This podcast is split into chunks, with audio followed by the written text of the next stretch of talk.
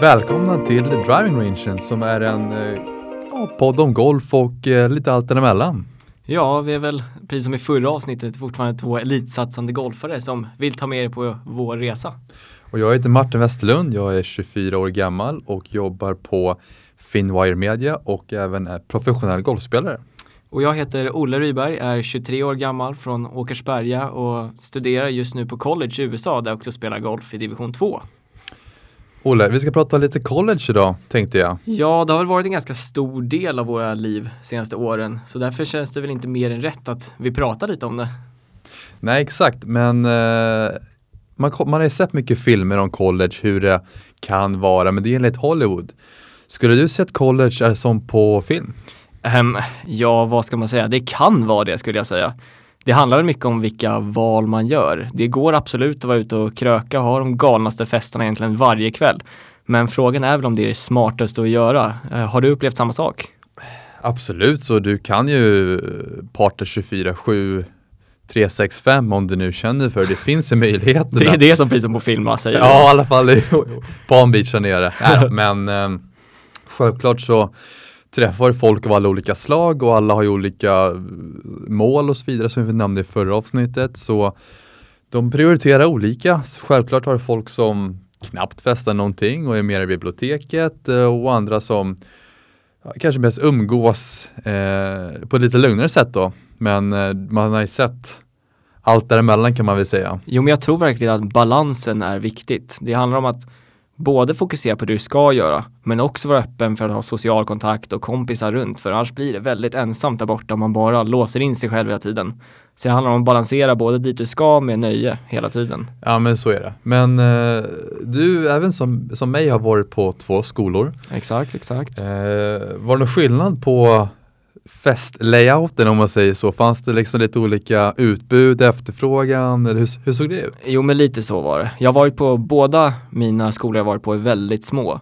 Men det fanns ju alltid hus runt omkring. Det är väl lite så det funkar borta i USA, att festerna är precis av campus hela tiden på mindre hus som elever hyr. Men jag skulle säga att det var ungefär samma, eh, lite mer på skolan nummer två då den var lite större, det var lite närmare till mer större städer om vi ska säga så. Alltså det har varit men som sagt, jag hade mitt fokus ganska tidigt inställt på att jag skulle göra rätt saker, skulle fokusera på golfen och sådär. Men jag antar att Palm Beach kan ju ha varit lite, lite mycket drag, eller?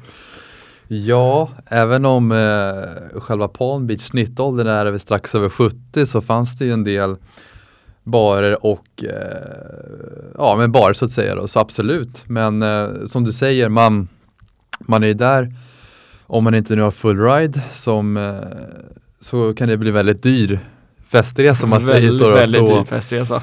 Man får ju välja sina tillfällen om man säger så. Man eh, kanske inte går ut alla helger men man självklart måste unna sig gå ut med kompisar, ta en bira eller två, tugga lite. Jo, så, precis, det kommer vi nämna senare också, just där hur viktigt det är att ha folk runt sig och ha rätt folk runt sig och våga öppna kontakter. För annars kan det bli en ganska ensam resa där borta om du inte vågar öppna upp dig. Exakt, så även, även som du, som jag vet, så känner man ju folk som har varit där, kommit dit och eh, kanske inte vågade ja, men öppna upp sig till andra, prata med andra, tog för sig, så de känner sig väldigt, som du sa, instängda. Och då kan det bli ensamt när man är en ganska bra bit hemifrån. Absolut. Men om du inte åkte dit för festandet då Martin, när när bestämde du egentligen för att åka till college och vad var det som var drivkraften i det? Oj, eh, ja fokuset varför jag valde USA var ju för golfens skull. Jag vill ju spela året runt. Det var ju någonting som lockat väldigt, väldigt länge och eh, jag hade väl en klar bild att jag ville till antingen öst eller västkusten och nu i min facit hand så har man ju upplevt båda. Men eh, min bok började på västkusten och jag bestämde mig, när 17 var det, började 2015 där, så jag tror hösten 2014 var det klart. Det här kommer jag lite ihåg för jag hjälpte ju att klippa ihop din collegefilm där som du skickade runt till lite coacher. Och nu sitter vi här och poddar och pratar om det så... Häftigt. Någonting måste jag ha gjort rätt. ja, det hoppas jag. Jo, men det har du verkligen. Det, ja, det var bra. Nej men som sagt, 2014 så bestämde jag mig och fick det klart. Så uh, jag använde inte av en sån här, det finns en massa firmor eller företag som hjälper unga kom över då. Eh, det kan vi också ta upp lite senare. Men eh, tyckte det var lite överreklamerat att man själv kunde kontakta skolorna och hade du hyfsat facit med eh, golf och skola så är det inte så svårt. Det gäller bara att skicka iväg. Och eh, jag hade en god kompis som pluggade det där på min första ställe som eh, la ett gott ord för mig och det eh, gjorde ganska mycket. Men eh, ja, exakt 2014 så visste jag eh, att jag skulle dit och fokuset var ja, men just golfen men även skolan var jag rätt taggad på faktiskt. Börja plugga någonting som jag tyckte var kul och lära mig språket och få in det liksom. Ja, men det blir en liten nytändning på, även om man var skoltrött på gymnasiet så var det här en helt annan sak helt plötsligt. På något sätt, nu säger jag inte att gymnasiet inte är seriöst men jag tog det ändå ganska seriöst gymnasiet eh, men kunde definitivt gjort bättre ifrån mig men jag kände att ah, men college då, då jäklar, då, då är det jag vet inte men jag kände att det blev seriöst då. Jo men alltså det jag känner framförallt med college är att det är väldigt mycket eget ansvar. I de svenska skolorna, i alla fall gymnasienivå, så var man ju van vid att man jobbade mycket under själva lektionerna. Det var så att en lärare gick igenom ämnet och sen pluggade man under lektionerna. Men så är det inte riktigt i USA. Då var det ju verkligen en föreläsning en timme. Sen arbetet gjorde du utanför på kvällarna på egen tid hela tiden. Så det vart ju mycket eget ansvar. Och så är det väl säkert mycket även hemma på universitetet kan jag tänka mig. Absolut. Men, ja, men det, just det där passar mig bort att ta eget ansvar, plugga. Ja, men liksom, pluggar du inte då kommer du inte få det här och så vidare och så vidare istället för att man sitter i ett klassrum och så jobbar man på, ja men vi säger en timme och så vidare. Men eh, när bestämde du dig för att åka till college? Ja, alltså min resa går ju tillbaka några egentligen. För jag, jag säger alltid att jag var ett elitidrottare sedan födseln. För jag spelade fotboll från att jag kunde stå upp egentligen. Eh, det var det jag brann, brann för. Eh, jag skulle verkligen bli fotbollsproffs och det höll i sig tills jag var kanske runt ja, 14-15. Då den karriären började vissna lite. Den gick nerför kan man säga. Ja, det, det vart lite svårt där, men då, då var det så förnämligt så golfen kom in perfekt och tog det ställe. Och helt plötsligt brann jag för golfen till 100%. Man var på golfbanan hela dagarna. Det var det enda jag gjorde, var, var där nere och försöka skjuta lägre scorer. Men då vart det ju mycket att man tittade på de lite äldre juniorerna också som vi hade på klubben på den tiden och alla de, nästan alla fall ska jag säga, gjorde ju hela den här college-resan och jag tyckte det verkade så jäkla coolt va. Så ganska snabbt från det att jag kom in i golfen så hade jag bestämt mig för att några år senare åka. Så det var alltid planen egentligen. Ja, collegebagen alltså när, när de kommer hem, det är lite så här, wow, det där, Det är, cool ju, bag. lite, det är ju lite kreddigt, det kan man inte gå ifrån. Det, Slår uh, Titleist-bagen man annars har. ja, det är kanske därför jag har sex collegebagar i garaget nu som jag sparar på liksom. Ja, det är bra. Hur var första tiden i USA för dig? Första tiden, jag, hade, jag var ganska nöjd med min första tid egentligen. Um, för jag bestämde mig ganska tidigt att jag hade varit i USA några gånger tidigare och jag visste lite ändå hur jargongen var där borta eller vad kulturen var. Så jag bestämde mig ganska tidigt för att försöka vara så öppen som möjligt och prata med alla så snabbt som möjligt. Sen tror jag att jag var, när jag började på skolan var jag ensam ensam person från Norden, eller ensam europé nästan, snudd på. Så jag har väldigt mycket amerikaner runt mig och det tror jag hjälpte mig för jag var tvungen att vara utanför mitt eget skal. Jag var tvungen att hela tiden prata med folk. Eh, jag var roommate med en kille från New York som spelade på baseballlaget liksom. Så redan där direkt så vart man kastad i vargarna lite i att du var tvungen att våga prata engelska. Det, det fanns ingen annan svensk att hålla i handen liksom. Men hur var din första tid där borta? Ja, eh, vi var ju faktiskt, hur många var vi? Vi var fyra, fem svenskar och så var vi en del norrmän. Så det är lite kul för det är verkligen två helt olika Ja, sidor av det. verkligen. Men eh, det märkte jag också. Jag pratade, jag bodde, min roommate var ju från eh, San Diego, nere i La Jolla där. Och eh, vi pratade såklart engelska då, för han fattade ingen svenska. Men utanför det på golfbanan var det direkt, ja, men då var det lite svenska och inte så mycket bara engelska som du säger att du hade. Så, men på något sätt var det ändå rätt skönt att prata svenska när man väl var där borta. Just för att ja, men man trivs, man kan det, det är enkelt och så vidare. Då.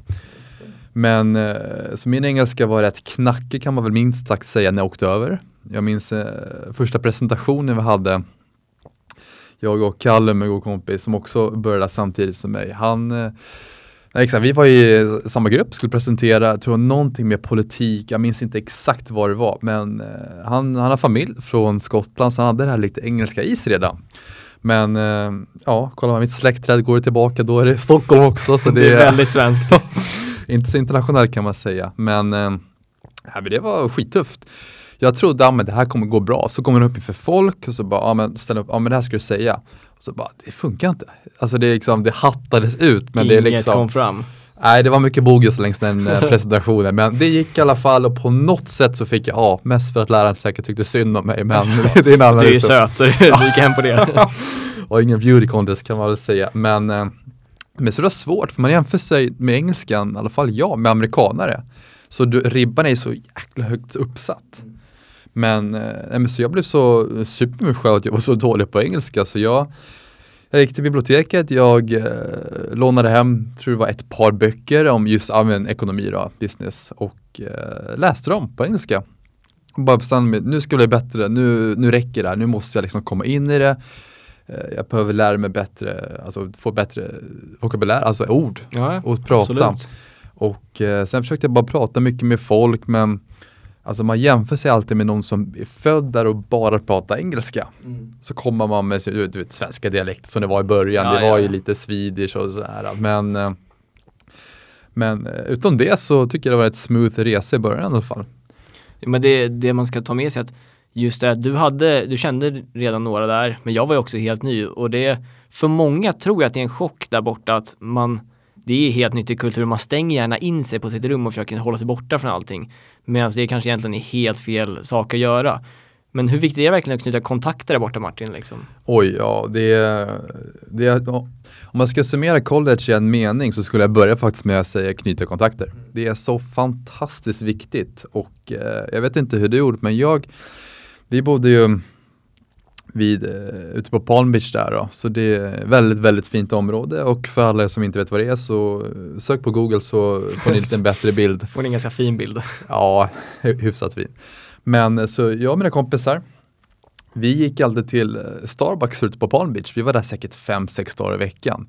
Så en del av eh, studiebidraget gick till eh, en medium dark roast med shot espresso i den. Så, eh, Du har sponsrat Starbucks ganska bra under åren du, det kan man minst säga. Så, men i alla fall, så vi gick i alla fall dit, satt oss, då har de en ganska stor bord utomhus då. Och eh, målet var, men vi tar med plugg, plugggrejer och så vidare. Men vi ska alltid prata med minst en eller två personer per gång vi är där som vi inte känner. Så jag har träffat ex- väldigt många, eh, mycket intressanta människor där ute. Några som många känner igen och några mindre men mest alltså äldre affärsmän som är där och som har slagit sig ner lite och så vidare. Och så eh, fick en, man kan säga mentor som jag träffade varje lördag på morgonen. Så vi träffades rätt tidigt och eh, pratade allt om mina mål, om livet och så vidare. Och så, så bjöd jag alltid honom på, på kaffe då, men jag tyckte han var lite genant. Men jag sa, men jag, jag står för kaffet så får du stå för lite bra surr här då. Så han, han tyckte om det. Ganska bra deal där från din sida. Ja, men som sagt när vi satt där ute så sa jag, vi bara sa, hej hur är läget? Han bara, ja, men det är bra själv då. Och så börjar man snacka lite, man är, frågan om vilka vi är. Ja, men vi är från Sverige, Italien, USA, vi går på den här skolan, vi pluggar här, vi spelar, spelar golf eller tennis. Och bara, åh häftigt så här. Och så börjar man snacka lite, man byter telefonnummer. Och just det är så enkelt i USA. Absolut, det är en helt annan kultur. Folk är ju mycket mer öppna, de vill ha en konversation. Mm. Du sätter dig bredvid någon på bussen istället för längst ifrån. Det är ju verkligen så där borta. Ja, verkligen. Och så, det minns jag var så roligt, då sa han han skulle flyga, eller han skulle ner till Miami eh, över helgen och spela tennis då. Och eh, för alla som inte vet så ligger West Palm Beach ungefär, ja, men cirkus en timme norrut och Miami längs kusten då. Så sa jag, ja men eh, när åker du ner till Miami då? Jag bara, ah, åker ner nu på morgonen, vi åker om en timme så här, vi ska vara där klockan eh, den här tiden då. Jag bara, men du måste åka nu, det är tajt med tid. Tajt, vad snackar du om? Det tar ju bara tio minuter att åka ner. Ja, då skulle han ta sig i plan ner då istället för att ta bilen då. Så man kan träffa, bara man vågar liksom öppna munnen och introducera sig, kan träffa rätt intressanta människor. Ja, det finns alla skikter från sam- samhällets vad säger man, nivåer. Ja, verkligen. Men det minns jag också väldigt väl för vi, med laget då på min skola så hade vi ett gäng olika events där vi fick stå och slå golfbollar och sånt på charities och då var det, träffade vi väldigt eh, influential ja, businessmen som skänker pengar till skolan. Och då var det hela tiden så, de ville verkligen prata om en, vad hade man för mål? Och de ville hjälpa en på vägen. Det var hela tiden, de frågade vad har du för plan i framtiden? Skulle du kunna tänka dig jobba med oss? Vad är det för major? Man knöt väldigt mycket kontakter på det sättet också, bara genom att våga öppna en konversation. Liksom. Ja, exakt. Och sen, som, som vi tror i alla fall i början, va, vilka ska vara intresserade av oss egentligen? Men man ska inte sälja sig själv kort. Nej, nej, nej. Eh, Man är rätt, just som internationell student i USA, man är rätt eftertraktad kan man väl säga. Det är lite unikt, exotiskt för många amerikanare. Absolut, bara det att kunna två språk är väldigt viktigt där borta. Ja, tre. Tre dessutom. Sarkasm, svenska, engelska. Sarkasm, det brukar vi svenskar vara bra på. det är vi riktigt bra på. Så uh, om vi ska summera lite där, tips till folk som är där och ska börja att våga ta för sig. Våga ta för sig, våga vara lite amerikansk, inte vara så svensk och gömma sig och försöka försvinna i mängden. Det är svårt men man kan ju ta små steg i början i alla fall. Absolut, bara det som att våga säga hej till alla man möter mm. på campus eller liknande. Eller sitta bredvid någon ny när du går ner till frukosten. Sådana där saker kan göra mycket i längden. Verkligen. Och eh, hur är det att vara atlet på en skola mot en vanlig student? Så jag skulle säga att det är, ett väldigt stort, det är en väldigt stor skillnad mellan att vara atlet i en svensk skola och på en amerikansk skola. Det är för det är ett helt annat mindset i USA. Här snackar vi bara scorer. Det ser man ju ändå redan från tidig juniorålder inom golfen. Att hela tiden att juniorerna blir pushade att skjuta så låga scorer som möjligt. Då är det inte, det främsta är inte att spela banan så långt som möjligt, ska vara så svårt som möjligt. Utan att de låter dem tia fram och skjuta låga scorer hela tiden så att de lär sig att skjuta lågt. Mm. Det var någonting du och jag pratade om här i helgen när vi kollade på Tigers son på TV. Att vilket fantastiskt självförtroende han hade. Han spelade en bana som var kortare än alla andra men han vågade ju då göra birdies och eagles till och med och det var inget konstigt för honom. Det såg ut som han hade gjort det i alla år. Mm. Och det är en skillnad. I Sverige lär vi oss hela tiden att det ska vara så svårt som möjligt och du vinner juniortävlingar på några över par. USA vinner på 10 under par bara för att spela kortare banor men de lär sig skjuta lägre scorer. Varför är det så? Varför det är så? Ja det är i USA är det hela tiden att du är resultat. Du är ett resultat, så är det. Um, du kan spela hur bra, tidning, uh, hur bra som helst tävlingen innan, men går upp på nästa tävling, skjuter högt, då är det ingenting för coach längre. Han kan fråga dig vad hände, men sen är du tillbaka i kvaltruppen liksom igen. Mm. Um, jag har väl väldigt tydligt minne därifrån att jag spelade väldigt bra min freshman vår, alltså sista säsongen som freshman. Jag var etta i laget, livet lekte. Kom tillbaka efter sommaren och så var jag sjuk under vår första qualifying-vecka spelade dåligt, kom typ trea från botten. Helt plötsligt tränade med tjejlaget och reservlaget liksom. Så det går fort att både åka upp men också att åka ner för du är bara ett resultat i deras ögon. Mm. Um, känner inte du att det skiljer sig ganska mycket från svenska tänket? Verkligen och som du pekar ut att det märkte man också just fokus på scoringen mm. var så enorm. Jag tror inte jag körde en enda teknikträning i USA.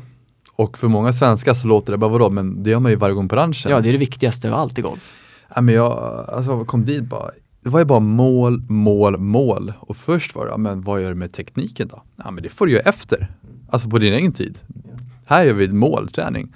Och jag tror det speglar rätt mycket hur många som, uh, hur många funkar i USA.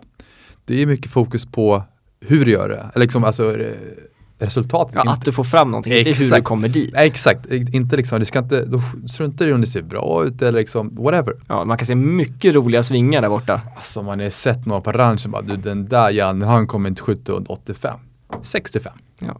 De, de kan skåra, de vågar skåra. Ja absolut, förflytta bollen, det är de duktiga på. Mm, uh, ja, och det och även skåra. Men som du säger, man märker de vågar gå lågt. Mm. Och de är inte glada om de går ett par under liksom. Det är normalt. Ja, men det, så, det, så jag tror där kan faktiskt Sven, Sverige lära sig väldigt mycket just med juniorgolfen, hur man fostrar unga spelare. Men skicka fram dem på tid längst fram. Låt dem slå drive put, drive chip liksom, men låt dem göra birdies. Det här känner jag också att till och med de i våran ålder skulle kunna ta efter ibland. Våga gå fram en teebox och skjuta lågt. Lär dig att 63-64, alltså un långt under banans par, det är normalt, det är ingenting du ska vara rädd över. Du ska inte börja stressa när du kommer ut på tävlingar och är där. Mm.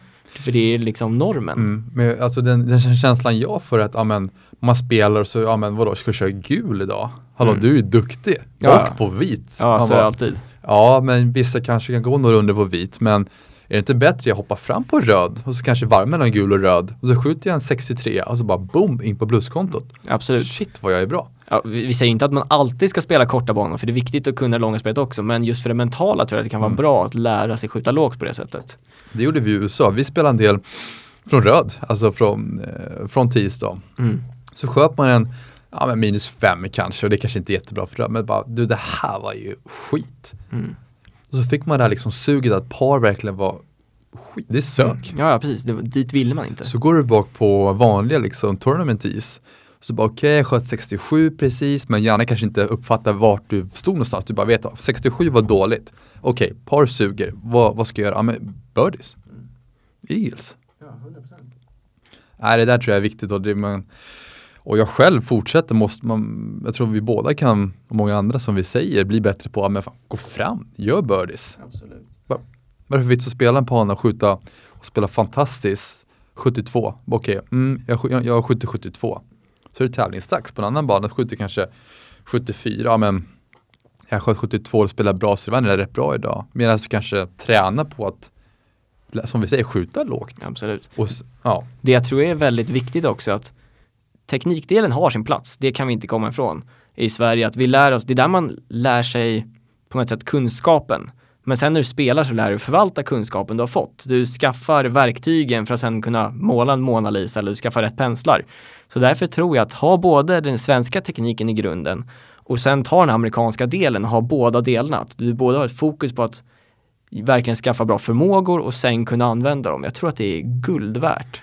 Verkligen och som, som jag har försökt köra, jag har försökt köra lite 80-20-regeln. 80%, målfokus och sen 20% teknik. Bara för att alltid kolla grunderna, uppställning, grepp och så vidare och sikte så att okej okay, men det är fine. Går bollen åt något håll, ja men då får du kolla lite teknik och varför. Men just att ha det målfokuset är så otroligt viktigt. Absolut. Det är det sporten handlar om, att få flytta den där bollen dit den ska. Exakt. Inte att göra det på ett snyggt sätt. Ja, du får inte liksom, du, du gör inte birdies med att du svingar fint. Definitivt inte. Om det vore så. Ja, då hade man inte varit bra.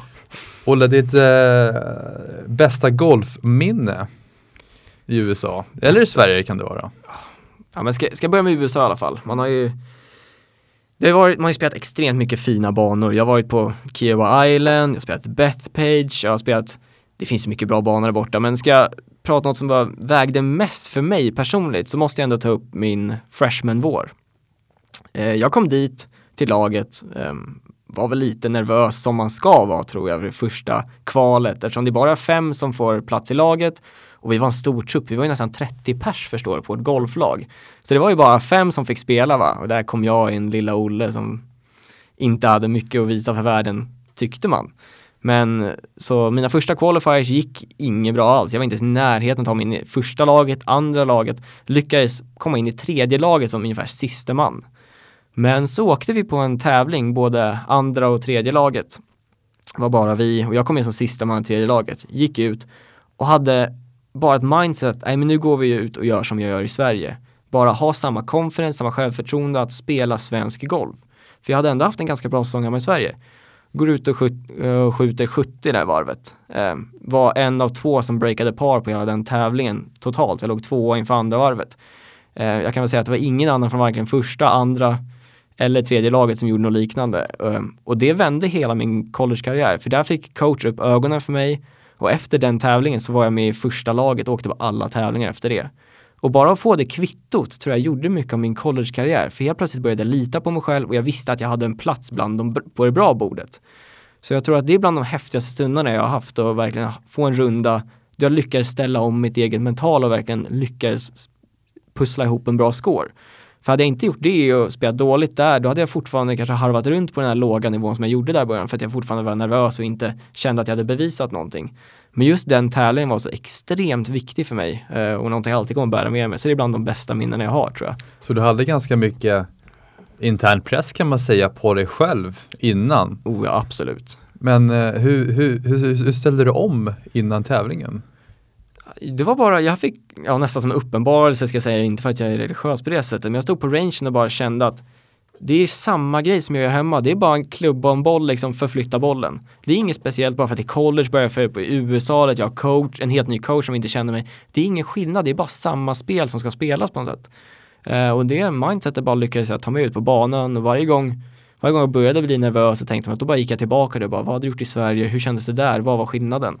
Och då bara försökte jag ta ut den känslan. Så du försökte inte övertänka det kan man säga, du gick Absolut mest på inte. känslan, instinkt? Ja, ja. Hitta tillbaka till mig själv. Det var bara att lita på det jag hade, att arbeta med det.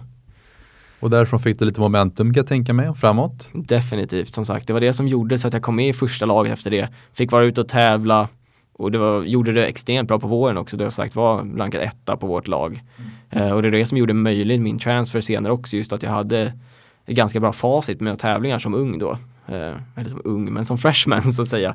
Det är inte så vanligt att freshmen skriver, går upp och tar en plats i startelvan liksom, eh, i alla fall. Inte om man är 30 pers med, eh, men det är ju för alla som lyssnar, det är väldigt många med 30 personer i ett golflag. Ja, det är extremt mycket. Det brukar vara max 10 10, 12, 8 ish runt där skulle jag vilja säga. Så det är verkligen svårt att slå sig genom isen kan man väl säga och hamna med i första femman, första linen. Det kan man lugnt säga. Att vara 30 pers spela under så hade vi bara en, ett kval varje säsong. Det var första veckan, då var det ja, fem, sex runder. Då var, det var då eller inget liksom. Mm. Och alla som var ute ville lika mycket. Men då handlade det verkligen om att våga tro på sig själv. Verkligen. Vilket kanske hade svårt att göra med i början men sen var det en självklarhet efter de där tävlingarna. Vad är ditt bästa minne av Martin? Eller vad är din bästa händelsen du har golfmässigt upplevt där ute? Eller här hemma för den delen? Det är, eh, som jag nämnde tidigare i förra avsnittet så jag tror det jag är mest stolt över just prestationsmässigt var när jag vann med eh, sju slag. Men förutom det så tror jag, säkert som du också känner när man just varit med i ett lag, just den här helheten. Du har ditt lag, du har, du bor, du bor med de flesta, du eh, du äter med dem, du pluggar med dem och du tränar väl, alltså du umgås nästan 24-7 med dem. Eh, med vissa undantag såklart. Men jag tror bara vara en sån miljö med drivna människor.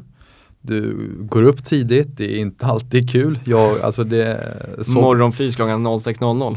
Ja, alltså jag sov ju i gymkläder när vi hade tidig fys och sen var upp, in i bilen, klart. Men jag tror just den här helheten med att eh, dela den här eh, resan med sådana personer. Det var så jäkla kul.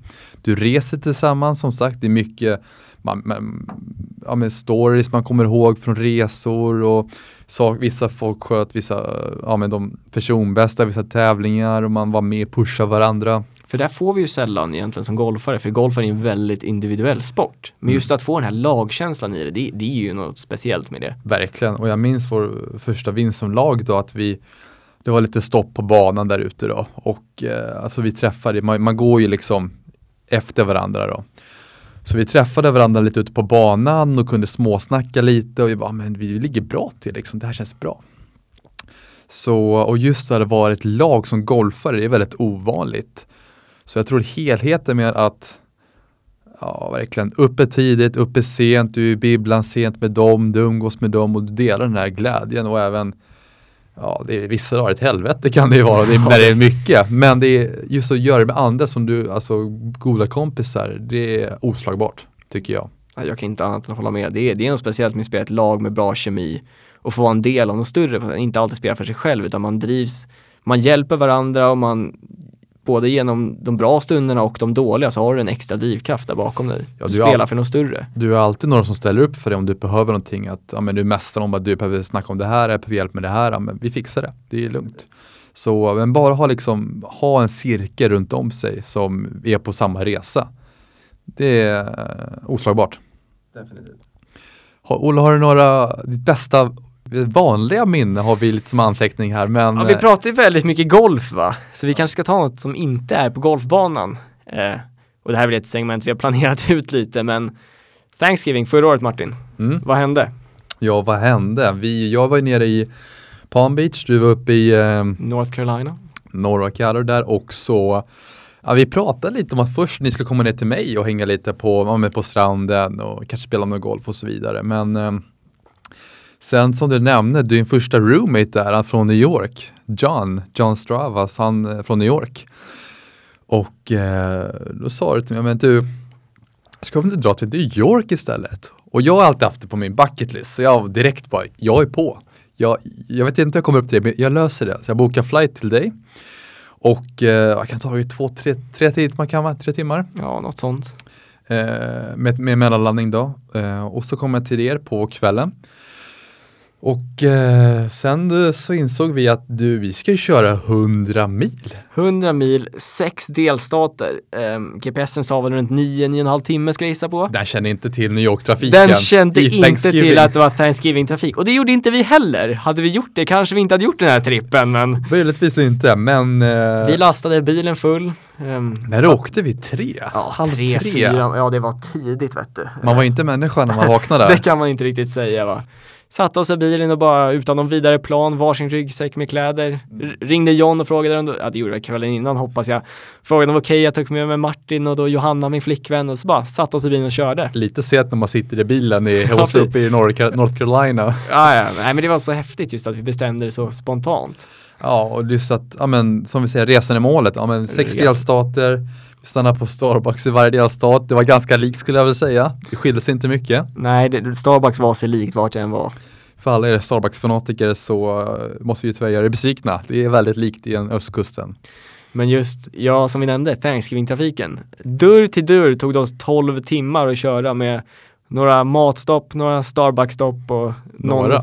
några, någon felsväng här och där. Men 12 timmar dörr till dörr. Jag tror sällan jag har varit så stressad i en bil som de sista tre timmarna när man skulle köra in i New York ut till då Long Island där han bor, när vi körde genom Brooklyn. Det var, Ja, det värsta är, när, vi kan ju nämna, det var inte så att vi turades om att köra. Olle, ja, men han gillar ju att köra långt och då sa jag, men Olle, du får köra, säg till så byter vi. Och du sa inte till, så jag bara, men det är fine. Och men du klar, det gick ju hur bra som helst. ja, oväntat bra att köra 12 timmar i sträck faktiskt. Måste varit sällskapet. Ja, ja, ja, 100% sett- och Starbucks. Stare. Men eh, när vi kom upp till New York där, så för alla som inte vet, så det är aldrig sett så mycket bilar. Nej, det var, det var sex lanes, highways, bumper to bumper. Det var liksom all, det var rött som en julegran av alla bilar som stod på sina bromsljus. Det var och så fick man vägbeskrivningen från Martin som satt bredvid och bara, ja, om en kilometer ska du tre filer till höger.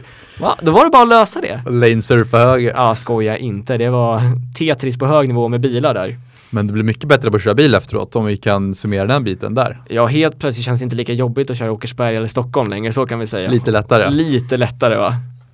Men sen eh, så kom vi fram till kvällen till eh, familjen Strava och supertrevliga. Jag har aldrig träffat dem men du känner dem som innan. Ja, jag, jag och min flickvän Johanna har varit där ett gäng gånger och sagt jag känner John eftersom jag bodde med honom ett och ett halvt år. Fantastiskt, väldigt snäll familj och väldigt välkomnande. Så jag tror att Martin ganska mycket från första start kände sig som en del av familjen där. Ja men det, det, det där är så sjukt för när man kommer till en svensk familj, de är supertrevliga men där, alltså man känner sig som hemma. Men jag har träffat dem här förut. Ja men det är verkligen så, de har verkligen den stilen. Det är bara direkt bara, ah, Martin vad vill du ha? Jag lagar mat till dig. Gå in i kylen och ta något, här är din säng. Det är verkligen, du var en i mängden direkt. Verkligen, och jag, man vågar, som svensk, även om man varit där, tar man lite så här, ah, men jag kanske inte ska ta för mig. Så då blir de inte sura, men gå och ta. Det är som att du bor här. Jag bara, okej, då går man och tar då. Ja och vilka dagar vi hade där över Ja, Thanksgiving. jäklar, Det var, ja men det var trevligt. Det var, Gick några steg runt i New York gjorde vi. vi gick några steg.